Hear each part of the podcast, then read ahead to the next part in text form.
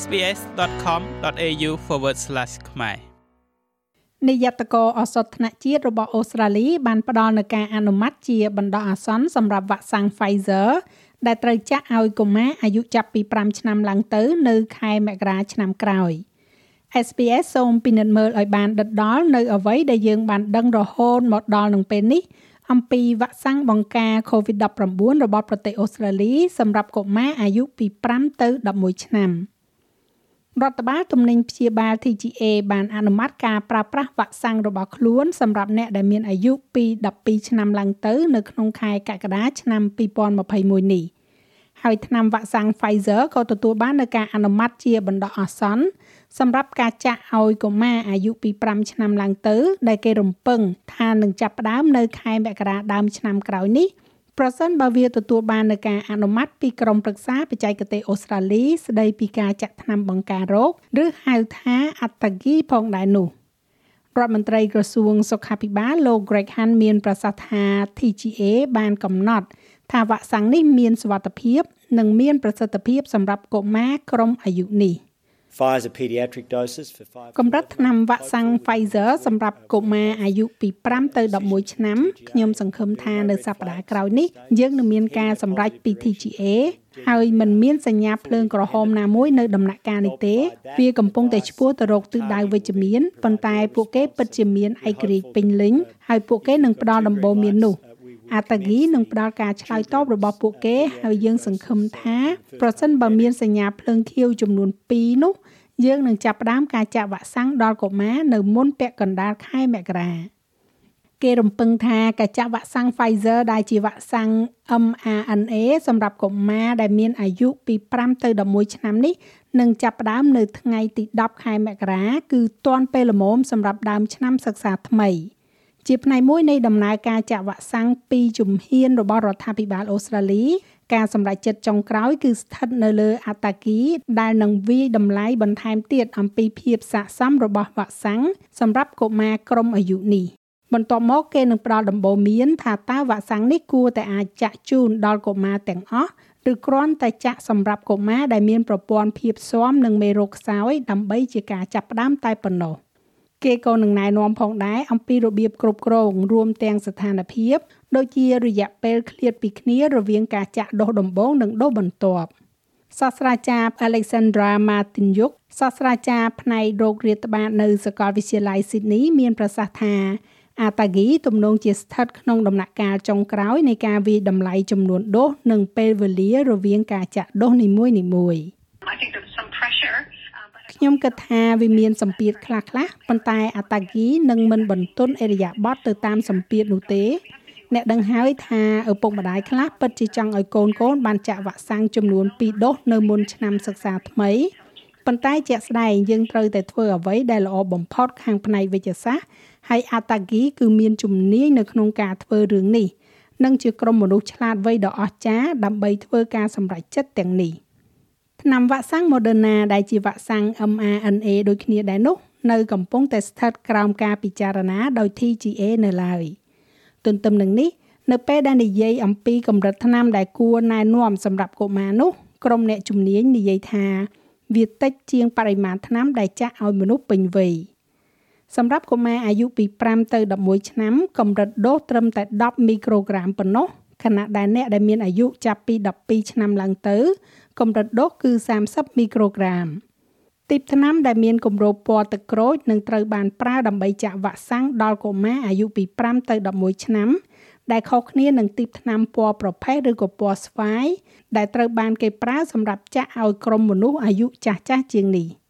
សាស្ត្រាចារ្យម៉ាធីយុកនិយាយថានោះគឺជាការបញ្ជាការភ័ន្តច្រឡំក្នុងចំណោមអ្នកផ្ដល់វ៉ាក់សាំង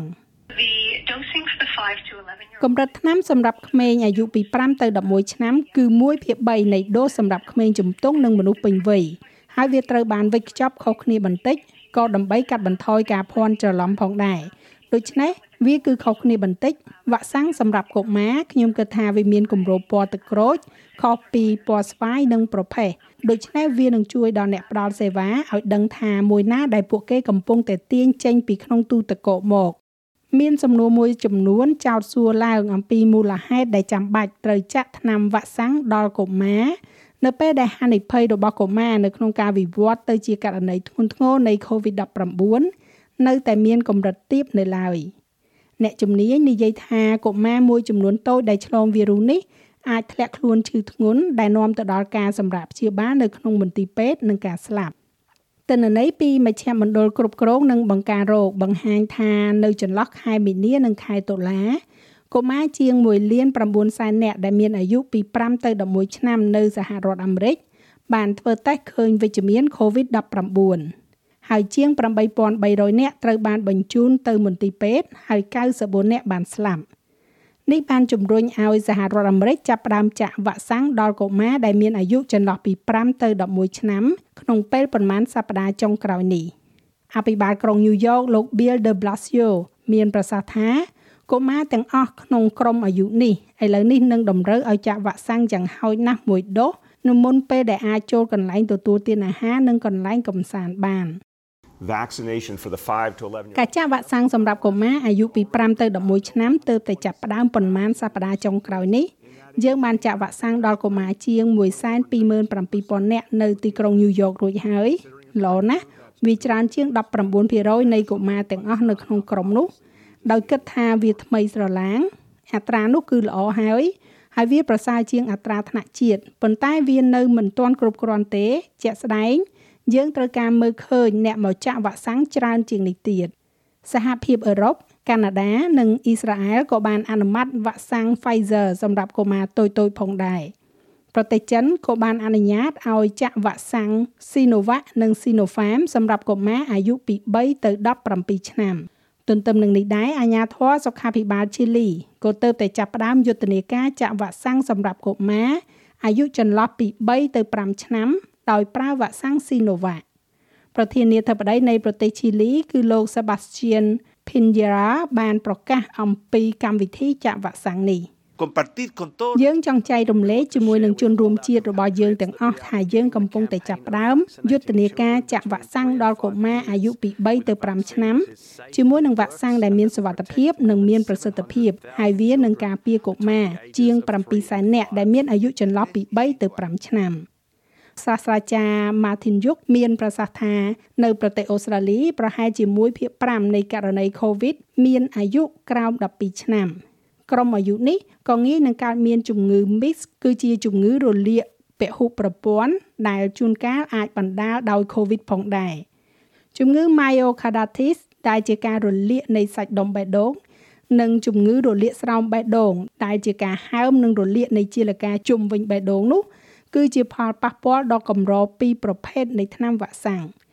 នៅសហរដ្ឋអាមេរិកក្មេងប្រុសជិត200នាក់ក្នុង1លាននាក់និងក្មេងស្រីជិត30នាក់ក្នុង1លាននាក់ក្នុងក្រុមអាយុ12ទៅ15ឆ្នាំបានរាយការណ៍ថាមានជំងឺរលាកសាច់ដុំបេះដូងសាស្ត្រាចារ្យ Martin Yuk ពន្យល់បន្ថែម ទោះជាយ៉ាងណាក៏ដោយជាធម្មតាពួកគេកើតនៅជំងឺស្រាលឬក៏គ្មានរោគសញ្ញានៃ COVID នោះទេប៉ុន្តែពួកគេខ្លះក៏អាចធ្លាក់ខ្លួនឈឺខ្លះក៏ត្រូវការការចូលសម្រាប់ព្យាបាលនៅក្នុងមន្ទីរពេទ្យខ្លះស្ថិតនៅក្នុងបន្ទប់ ICU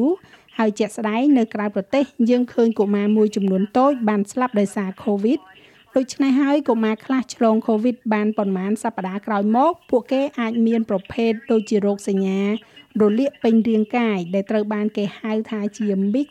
គឺជំងឺរលាកពហុប្រព័ន្ធដែលអាចជាការព្រួយបារម្ភខ្លាំងសម្រាប់កុមារដែលអាចឲ្យពួកគេចូលទៅក្នុងបន្ទប់ ICU ជាច្រើនសប្តាហ៍ហើយមានផលប៉ះពាល់រយៈពេលវែងរបាយការណ៍ថ្មីៗនេះដោយវិទ្យាស្ថានស្រាវជ្រាវកុមារមើលដូចបានបង្ហាញថា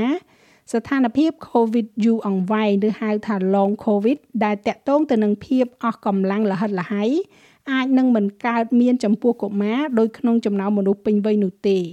ប៉ុន្តែរបាយការណ៍នេះនិយាយថាកុមារដែលមានអាយុពី5ទៅ11ឆ្នាំ